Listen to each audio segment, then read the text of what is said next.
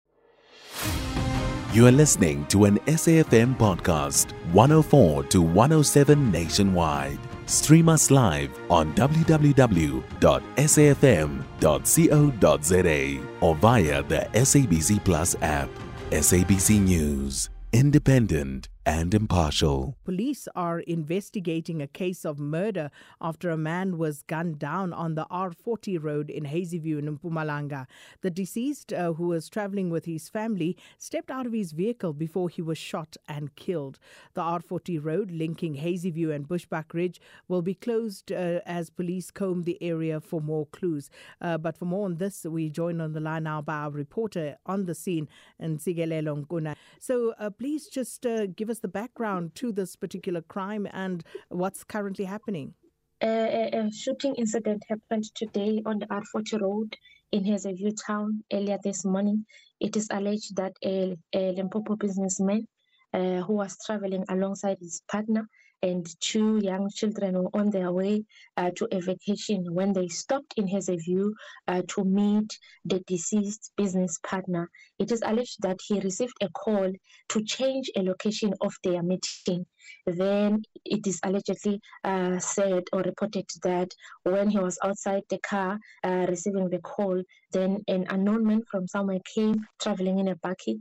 and shot and killed him. So that's what basically happened today. And uh, the, the, the family is distraught. Uh, they are so traumatized as to what they have witnessed. They, it is a tragic incident that happened, and the police are investigating the case as the suspect has not yet been apprehended. And it is alleged that um, the, the, the, the, the business uh, partner who was supposed to meet um, they it, it, it actually happened that where they were supposed to meet uh it is not far from the place of the incident it is actually less than a kilometer from where they were supposed to meet Ntsikelelo is there anything more that we know about uh the man who has been killed at this stage though because it does seem as though there may be a sinister motive at least from how you have described the events what more do we know about him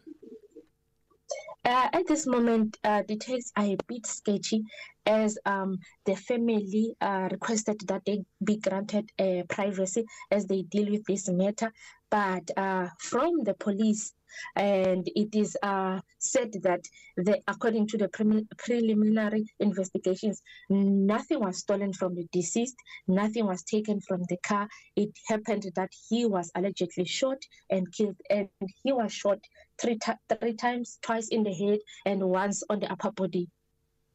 Ntsikelelo can you confirm uh, because you know the reports are saying the man was shot in front of his children uh, were you able to establish that correctly so Sakina the man was allegedly shot in front of his uh, children uh, aged 1 year and 4 years old and also the partner who was there at the time of the incident And as far as the police uh, go, uh, are there any significant leads that uh, they are following up on at this point or is it still, you know, very sketchy as we speak? it is very sketchy as we speak sakina as the man is not um from uh Hazyview but they were traveling from Limpopo so according to the police details are a bit sketchy at the moment